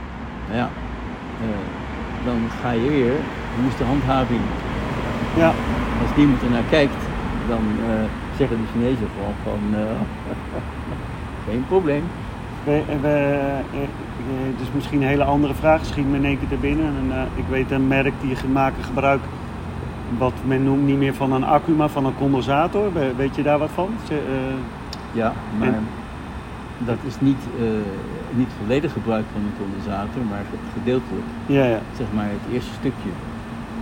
Dat, ehm, dat is eh, technisch eh, superieur en ook veilig. Ja, ja. Maar, Want eh, die zeggen ze dat dat inderdaad veilig is. En die kunnen ze binnen 7 minuten ze- 70% laden en binnen een half uur 100% laden. wat kost die accu? Eh, ja, die prijzen weet ik verder niet, maar dit zijn inderdaad wel duurdere fietsen. Als je op het moment ook, zeker als je natuurlijk een, de nieuwste accu was geloof ik 15 ampère uur, zeg maar. Dus dat, Ja, maar goed. Eh, Als je dat uitvoert eh, als een condensator, dan kost dat een, een vermogen. ja, ja. Dus, eh, eh, dus het is bijna altijd zo dat ze zeggen dan wel van hij, hij is eh, eh, met een condensator. Maar als je dan dieper gaat kijken, dan is het bijna altijd zo dat dat voor het eerste gedeelte is. En Ja. eh, dan kun- kan hij dus veel sneller reageren. En dan kan hij ook eh, heel snel opgeladen worden tot een eh, bepaald percentage. ja, ja. Maar, ehm, eh, maar goed, dat is geen oplossing die voor alle e-bikes kan worden toegepast. Nee, nee, nee, nee, nee, zeker ook weer omdat het dan weer een kostenplaatje is dus. Nou, kijk, als 60 cent al een probleem is, Ja. dan is 600, Ja. dan is 600 euro een veel groter probleem. Ja, ja, 100%. Ja. Dus, ehm, Weet je wat een verhaal. Dus, eh, dus als we nou nog even op een rijtje zetten van eh, eh, waar praten we over, wat zou er moeten gebeuren, dan, ehm, eh, dan praten we aan de ene kant dat de, de grote e-bike fabrikanten, die zullen waarschijnlijk wel de zelftest gaan aanbrengen, voor zover ze die nog niet hebben. ja, Want dat kost maar heel weinig, dus eh, er is geen reden om dat niet te doen. Dus dat, eh, aan die kant zit geen groot gevaar. Het grote gevaar zit hem nog steeds in de, in de low-end eh, BMS'en. En ehm, die moeten dus zien, zien te traceren. Die kunnen we niet in China vinden. Die kunnen we ook niet op een lijst eh, vinden. nee, Eh, soms kun je ze vinden op Alibaba, maar eh, echt heel moeizaam. En als je vertelt wie je bent, dan zijn ze bijvoorbeeld al wat vijandig. dus dus Ja. daar kom je niet veel verder mee, ook al Nee. spreken ze ook al, al geen Engels natuurlijk. Nee.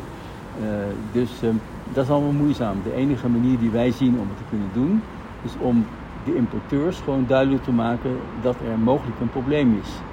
En dat kunnen we gewoon uitzoeken. Als zij gewoon eh, zeggen, nou hier is, hier is mijn accu, eh, test hem. kun je gewoon kijken eh, hoe dat zit. Ja, Kun je bijvoorbeeld vragen, stuur het schema even op. Als we het schema hebben, dan weet je het gewoon zo. ja, ja. Als Hoef je niet eens de accu te zien. hoef Dan, je niet eens de accu te zien. ja. Je in een schema kun je, vorm kun je al zien. Ja. Dus dan kun je eruit komen. Dan kun je gewoon uiteindelijk ook eh, dat allemaal in kaart brengen. En, en dan kun je ook, eh, eh, ook die fabrikanten benaderen. en Zeggen, kijk, zo kun je dat doen. ja. Nou, en ehm, hoe kun je dat dan technisch precies oplossen? Nou, wij zijn elektronica-ontwerpers, dus we hebben gewoon duidelijk naar gekeken van hoe kun je nou dat goedkope Chinese BMS zo goedkoop mogelijk upgraden naar een smart BMS. ja. Want ehm, wat wel een feit is, is dat eh, eh, die Chinese BMS'en die maar ehm 5, 6 euro eh, kosten, die zijn wel gewoon de, de allergoedkoopste oplossing. ja. Dus we hebben gewoon gekeken oké, nou dat gedeelte ervan, dat kan dus niet, niet goedkoper. Nee. Daar hebben ze 600.000 keer naar gekeken of, Ja. het, of het nog een cent goedkoper kon, nee, Ja, ja, ja. toch niet verder. Nee. Dus dan is het ook het slimste om dat gewoon ook mee te nemen, want het werkt gewoon goed, dat is, dat, dat is bewezen. Mhm. En eigenlijk alleen maar toe te voegen wat je dan mist. En we- wat hebben we nou gedaan? We hebben daarvoor een speciale chip ontworpen, die ook intelligent is, dus een, met een microcontroller erin, en met communicatie eh, erin, Mhm. eh, die eh, eigenlijk vrijwel alles bevat wat je nodig hebt om het domme BMS om te bouwen naar een smart BMS, Mhm. inclusief de zelftest. Ja. En dan komen er bovendien nog een paar extra functies eh, bij, maar dat is even vers 2. Ja. Eh, maar de minimale oplossing die ze gewoon kunnen doen, is om dat zo te doen dat ze met een buzzer dan op, op ledjes die gaan knipperen, Ja. kunnen aangeven dat die niet meer goed werkt. Ja. Iedereen snapt wel als er een buzzer gaat of dat er ledje erin te knipperen, Ja. rood, dat er iets aan de hand is. Ja. Ja. Eh, dus ehm, En dat is dan te zien op de accu of op de lader of dat is dan eh, in dat geval op de accu te op de zien. accu te zien, ja. Ja, maar ehm, eh, dus je kunt die bussen gewoon inbouwen in het BMS. Ja. Dus dat is geen probleem. Nee. Maar ehm, een betere methode zou zijn om het naar het display te doen. Maar eh, dan moet je ook een display hebben die die code Ja, ja. ook vrij heeft. En dan moet je ook een canvas systeem hebben om Nou, te... niet per se een CAN-bus systeem, maar er moet wel communicatie zijn tussen het BMS en de motorcontroller. Ja, ja. Want de motorcontroller bestuurt gewoon ook het display. Ja, Ja? Ja. Eh, dat is een, in feite een wat, wat rare eh, combinatie, maar dat is helemaal zo gegroeid. ja, de motorcontroller controleert ook de verlichting. ja. Nooit Ja. voor geboren zo, maar Nee, het is zo gekomen. ja, Dus ehm, eh, de enige oplossing is dat je communicatie moet hebben tussen het BMS en het display. En dat hebben ze zo niet ontworpen en dat gaat ook niet snel worden veranderd. Dus dat is geen goede oplossing. nee, Dus, ehm, eh, dus op het display eh, zal wel gebeuren als je gewoon een nieuw ontwerp begint te maken. Dan kan je het natuurlijk wel zo doen. ja, Maar voor bestaande ontwerpen is dat eh, niet, niet de goede oplossing. Nou, als je dat dus eh, eh, doet en die fabrikanten gaan dat ook gewoon doen, dan eh, zou het ook voorstelbaar zijn dat er ook een ehm, belangenorganisatie is die ook gewoon gaat bijhouden wie dat gedaan heeft of niet. Want normen kun je stellen wat je wil, maar zelfs als je ze zouden maken, dan houdt niemand zich eraan. nee, Dus ehm, er zijn al enkele organisaties geweest, een veiligheidsorganisatie uit Engeland bijvoorbeeld, die heeft gezegd van oké, wij willen dat wel doen. Het is gewoon een, zeg maar een particulier initiatief. ja, ja, ja. hè, Die gewoon zeggen van oké, eh, wij gaan gewoon op onze website een lijst bijhouden van fabrikanten die, eh, die een veilige e-bike eh, accu hebben. Accu, ja. Eh, nou, of dat wat wordt weet ik niet, maar eh, dat merken we dan wel. Ja, Maar zo gebeurt er dus van alles. Kijken we dan even naar, weer naar de functie van de dealer. Dan zeg ik van nou, de dealer zou een goede functie kunnen hebben om gewoon de importeurs van die goedkope accu's erop te wijzen dat ze actie moeten ondernemen. Dan komt die zaak in gang. En ik denk dat het ook beter is dat de dealers gewoon weten wat dit probleem is. Het is wel zo dat het niet, geen prettig nieuws is. Hè, en daarom he- hebben natuurlijk de dealerbladen weinig trek erin, want het is een negatief eh, bericht, dus dat kan me goed voorstellen. Ja, de hele perskranten staan ermee vol. Dus waarom, waarom Ja. moet een fietsblad dan eh, goed nieuws zijn? Want eh, er is heel wat gaande eh, sowieso nu op dit moment in de beurzen. Dat, of in de, dat proef je ook in deze beurs weer. In, nou, met name ook financieel, zou ik maar zeggen. De, Mhm. dat zelfs de, de hele grote merken het heel zwaar hebben in, in de voorraden te betalen. En, en dat slaat natuurlijk af op de dealer. Ja. Eh, dat heeft alles te maken met eh, helaas een onderwerp waarvoor ik ook gewaarschuwd heb. ja, En dat is eh, supply chain. ja, En supply chain betekent dat, dat ehm, als er door marktomstandigheden grote verschuivingen bes- bestaan in de verkrijgbaarheid van bepaalde goederen, ja, dan, dan werkt dat heel sterk door. En wat gebeurt er nou? Dat eh, de meeste grote fabrikanten zoals Bosch, die gebruiken componenten in hun BMS die ook worden gebruikt in elektrische auto's.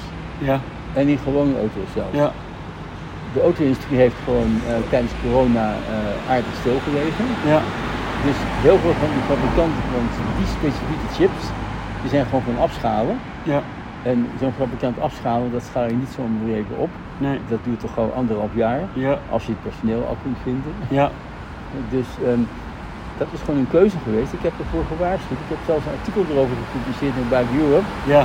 Niemand ooit gelezen, ben ik bang. Maar ik hoop van wel, maar in ieder geval niet, eh, niet tot actie gekomen. nou, Bosch in ieder geval niet. Nee, nee, Want eh, Bosch heeft daar gewoon eh, als een van de ergste dat meegemaakt dat het, eh, schade dat in, het kwam. ja, Dus ze hebben gewoon, toen werden e-bike-accu's afgeleverd door de fabrikanten zonder, eh, zonder de accu's. Nou, ja, le- lekker, moet je opslag gaan, gaan vinden. ja, eh, je klanten annuleren en eh, je- mag niet, kan- mag Ja. niet annuleren. nee. En je, kunt, je krijgt wel die fietsen binnen, maar je kunt ze nog niet uitleveren en je hebt ze al wel betaald. Ja, Dus eigenlijk ben jij aan het financieren voor ja. Dat is wat ik wel Maar- vaker gezegd heb, dat wij als fietsenmakers zijn wij... eh, Maar dat had dus voorkomen kunnen worden als je dus gewoon componenten gebruikt die gewoon niet afhankelijk zijn van de, eh, van de supply chain eh, eh, merry-go-round. Ja, ja. het, draaimolen. Wat, wa- wat ik me net nog te binnen schoot is, eh, in, in Amerika hoor je, heb je altijd van, ja, als je iemand iets aandoet, dan, dan krijg je een beste claim, zeg maar. Komt er in, in Amerika dit soort fietsen en, en e-bikes te- voor met, met dit soort accu's? Eh, ik heb het nooit gehoord nog, maar ik ben ook geen jurist, dus ehm, eh, eh, als ik het hoor zou het toevallig zijn. Ja, Maar ehm, ik heb ook in, in de artikelen die erover geschreven zijn, over die problemen, bijvoorbeeld in de New York Times was een artikel vorige maand verschenen, waarin stond dat er in de stad New York negen doden zijn gevallen door, door e-bike ongelukken. oké. De, de luisteraar hoort dat niet, maar ik heb eh, bij het woord ongelukken heb ik dus aanhalingstekens eh, Oh met, ja, met nee, mijn die, vingers die eh, doen we met de vingers inderdaad, ja. En, Ongelukken, ehm, ja. Dat waren dus negen doden. En, en ehm, toen heb ik ook die journalist benaderd om gewoon... Maar dat is verzekeringswerk. zeg ik dan cynisch erachter. Ja, dat, dat klopt inderdaad helemaal. En ehm, eh, die redacteur die wilde dus ook graag eh, een artikel schrijven over onze oplossing. Maar zijn baas die zei van, eh, daar hebben we nu geen geld voor. Nee, nee, nee, dat snap ik. Dat noemen ze in vaktermen noemen ze dat bandbreedte. Ja, ja, ja, ja. Het staat zo raar als je gewoon zegt, hebben we geen geld voor. Hebben we geen geld voor. Sjoe. we hebben geen bandbreedte voor. Dat, eh, Nee. dat klinkt mooier. Ja, Maar goed, ehm, dus ehm, wij zouden graag van de dealer willen weten van, wil de dealer hier een rol in spelen? Willen ze Ja. gewoon de actieve rol nemen om de voorlichting naar hun klanten te doen? Of willen ze afwachten tot de klant er zelf mee komt? Dat ja is- of dat er automatisch eh, meer ongelukken wordt. eh, Als, je- als wij als branche eh, een bepaalde verantwoordelijkheid kunnen opnemen. En als dealers. Nou, het is We werken heel- al vaak al samen. Ja, het is in ieder geval heel simpel. In China weten we zeker dat het ongeveer 1 op de 1000 is die in de fik gaat. In Nederland eh, eh, kunnen we het inschatten dat het ongeveer zoiets is. Ja, en, eh, maar het is ja en verkeer- hoeveel duizend e-bikes hebben we het dan over? Nee, je praat over, over een paar honderd ongelukken per jaar Ja, in Nederland. ja. en als er een, eh, bij een kruispunt is het vaak als er één dode geval is, dan wordt er wat aan het kruispunt gedaan.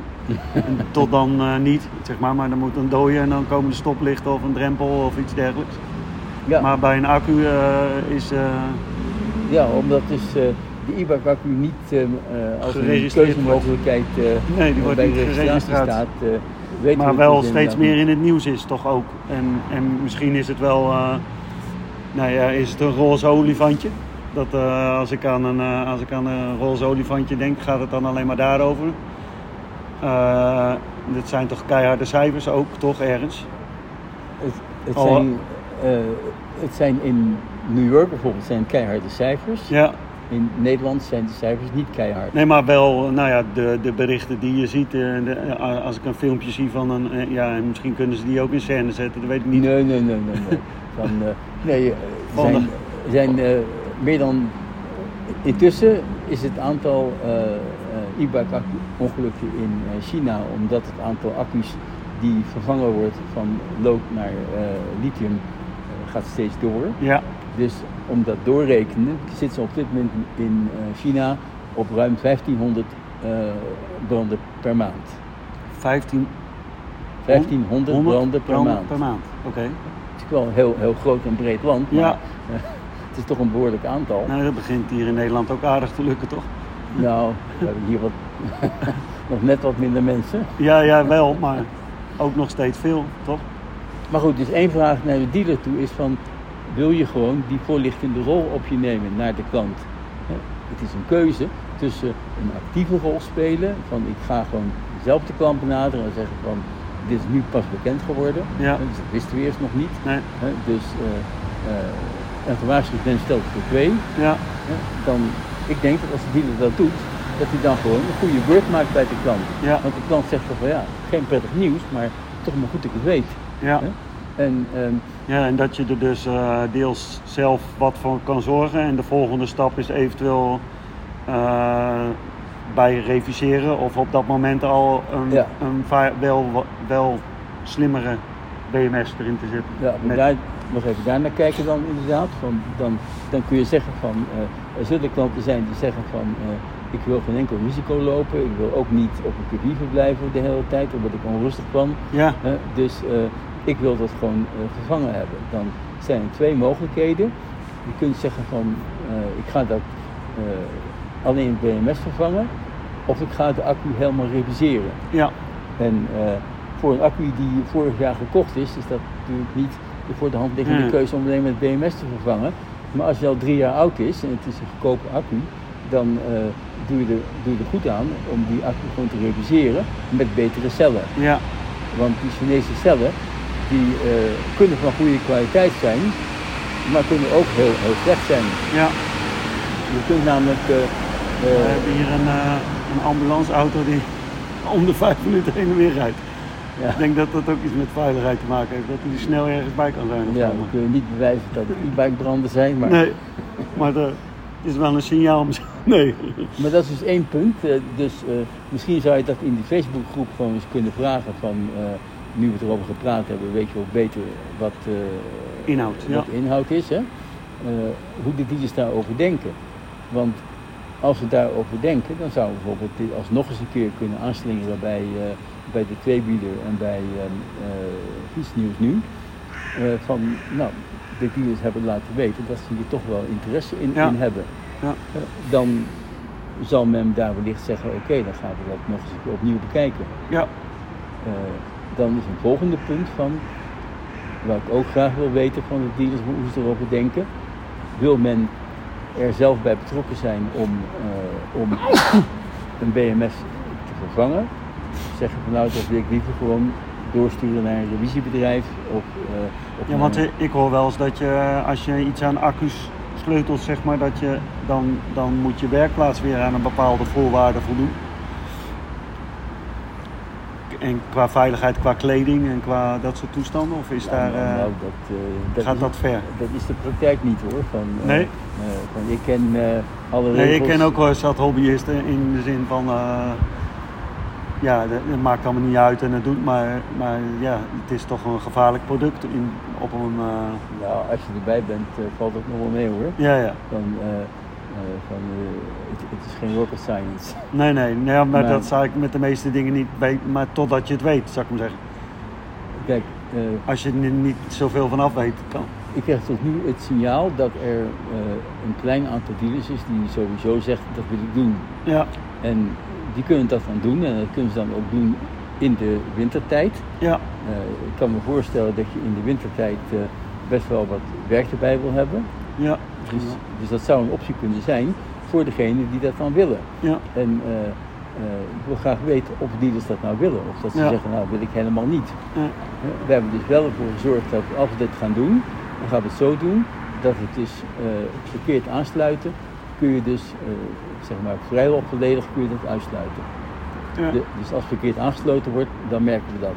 En dan kun je dat ook testen om het gewoon te doen. Dus ik denk dat een BMS vervangen, dat je dat eh, met die hulpmiddelen in een half uurtje kunt doen. ja. En ehm, dat is één mogelijkheid. En de tweede mogelijkheid is om te Maar moet je, moet je, er was nog een vraag die er bij mij nog ging. Eh, moet je dan een accutest e- e- ook nog doen eerst of zo? Of, eh, Nou, kijk, een accutest dat test de BMS niet, hè? nee, dus die test is de kwaliteit van de cellen, maar die... die wat waren ik- er wel, maar dat was wat de condition test waar ik de specificaties voor geschreven heb. Ja, ja. Die is dus ter ziele, dus... Ja, die is te zien. Ik- Volgens mij heb ik zo'n één gehad, zeg maar. En eh, heeft een collega voor mij eh, kapot gemaakt. Maar Oei. degene die jij, eh, wat jij benoemt, is de, zeg maar de andere batterijtesters. Die testen onder met een te laag wattage. Vertelde je of Ja, dat is een heel, heel ander verhaal. Kijk, eh, de meeste accutesters kunnen dus niet een BMS eh, eh, zien. Nee. Die zijn er niet voor ontworpen. Battery condition test was dat wel. maar ehm, een ander probleem is dat battery condition test had inderdaad voor bijvoorbeeld een 250 watt accu kon je ook een 450 watt piekstroom kon je ook genereren. Ja. En dan kon je de accu op straatomstandigheden testen. En ehm, doe je Doe je dat alleen maar met het nominale vermogen, ja, dan, dan is dat onvoldoende. Dan weet je niet of die accu niet gaat uithouden op, op straat. Ja. Dus, maar goed, daar is nu geen alternatief voor helaas. Dus we kunnen er lang en breed over praten, maar daar komen we niet veel verder mee. Nee, nee, nee. Nee, ik heb ook, maar ik, ik had bijvoorbeeld uh, nou dan, bepaalde partijen die wilden alles uitsluiten met een accutest. Maar ja, en dan met name gaat het dan vaak over de actieradius, zou ik maar zeggen. Maar, maar volgens mij ben jij zelf of ik zelf, als ik erop fiets, ben jij de beste referentie van een uh, actieradius. Kijk, om, omdat of ik erop rij of uh, iemand anders, uh, ja, het schakelgedrag, het parcours, de weersomstandigheden. Ja, natuurlijk. je kunt dat niet, niet in algoritme vatten, want... dat is toch geen accutest tegen te doen en, en een accutest van nu kan over drie dagen al anders zijn, toch? Nou, dat zou niet moeten natuurlijk, maar uh, kijk, je kunt van een accu kun je op de capaciteit vaststellen. Maar met een goed BMS, hè, en die is dan wel een kostprijs 70 cent duurder. Ja, help. Alweer. En dan kun je dus uh, heel nauwkeurig de capaciteit vaststellen.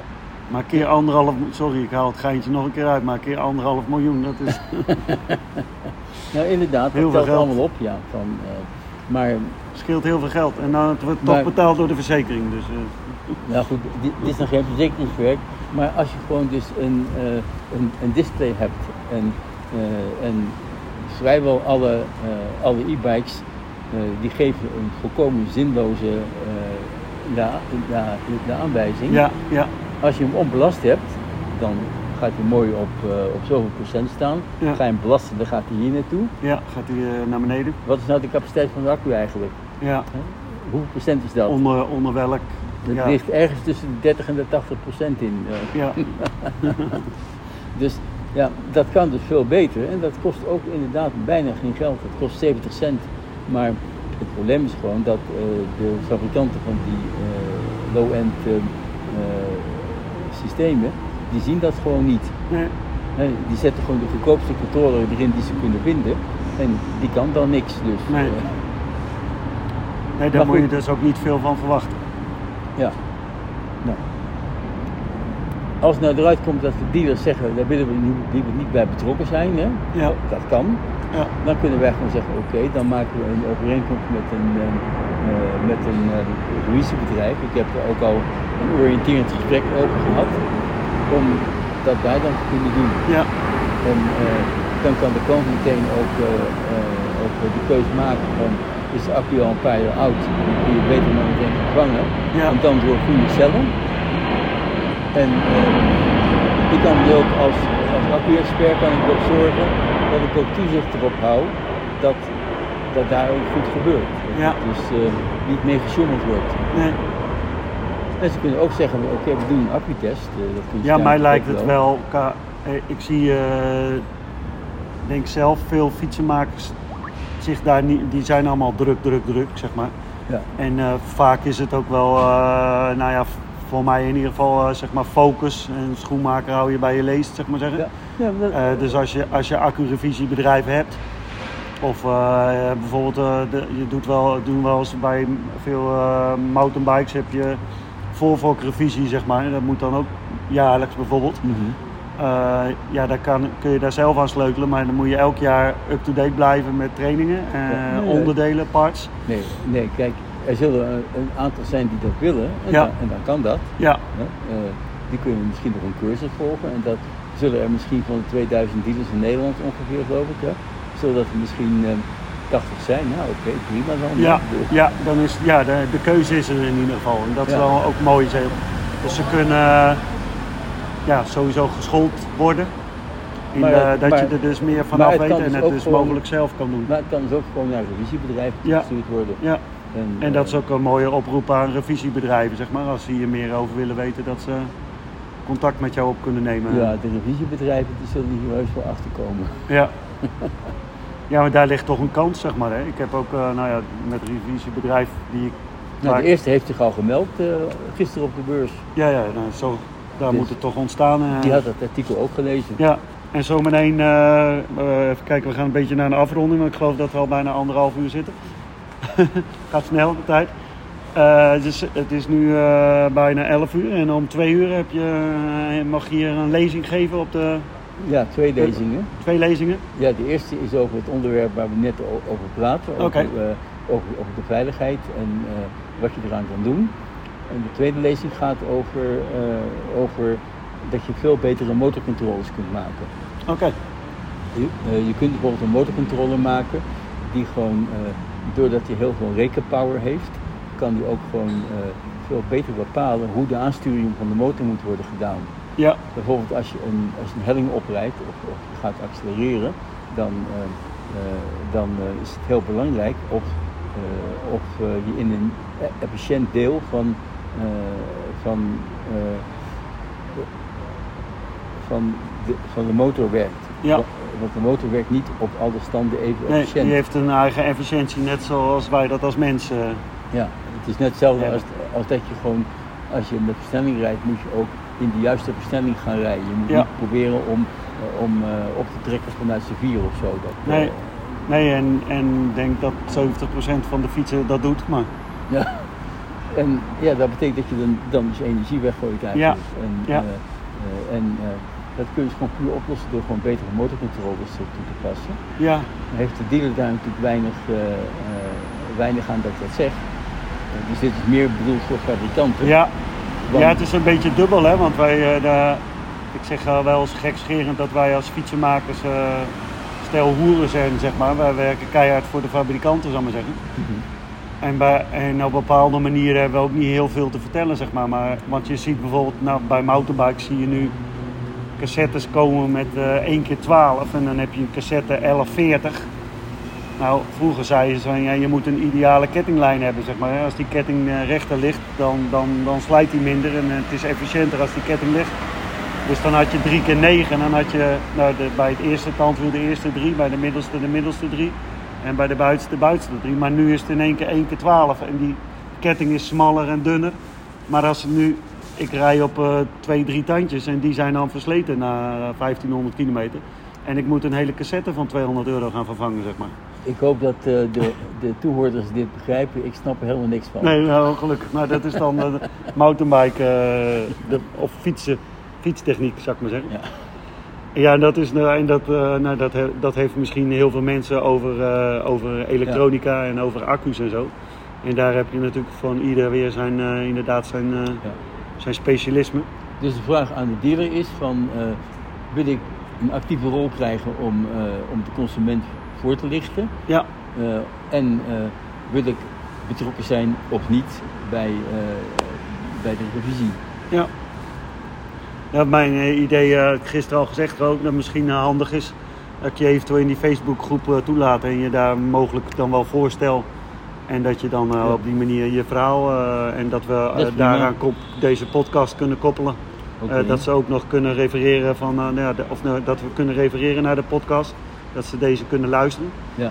En eh, nou, dat zal sowieso ook op LinkedIn dan eh, kunnen we dat delen en eh, gebruik maken. Dat we, nou ja, ik denk, ik- ik had ooit zoiets van, ik wil de tweewielenbranche op een hoger niveau brengen, zeg maar. Daar, daar horen dit soort dingen wel bij, zeg maar. Hè? Dat ik een factor in ben, dat het, ja, dat het, ja, dat er veilig, ja, veiligheid, duurzaamheid en efficiëntie zijn toch kernwoorden voor mij. Dus Nou, ik hoop dat er feedback komt, dat we gewoon eh, Ja. weten van eh, hoe de branche hierover denkt. Ja, dus ehm, ja, we ronden bij deze de, de, de podcast af. Als jij geen, eh, geen eh, dingen hebt die nog gezegd moeten, mogen worden, kunnen worden. Momenteel niet. Ik denk dat we alles uitvoerig hebben gehad. Hoe kunnen mensen jou eh, verder eh, bereiken als je, eh, je, je, je, je bent op LinkedIn? eh, Ik ben op LinkedIn eh, te vinden, James Post. Eh, Maar ik ben ook via e-mail uh, bereikbaar. Dat is uh, james.post.ecopro.technology. Oké. Okay. Dus daar kunnen de mensen je vinden en, uh, en anders eventueel nog via mij. En dan, ja, dan komt dat goed. Dus uh, mooi, uh, dankjewel voor je, voor je tijd. En, Graag gedaan. Voor nu alvast succes zometeen bij de lezingen hier op de Eurobike. En de luisteraar bedankt voor het luisteren en tot een volgende podcast.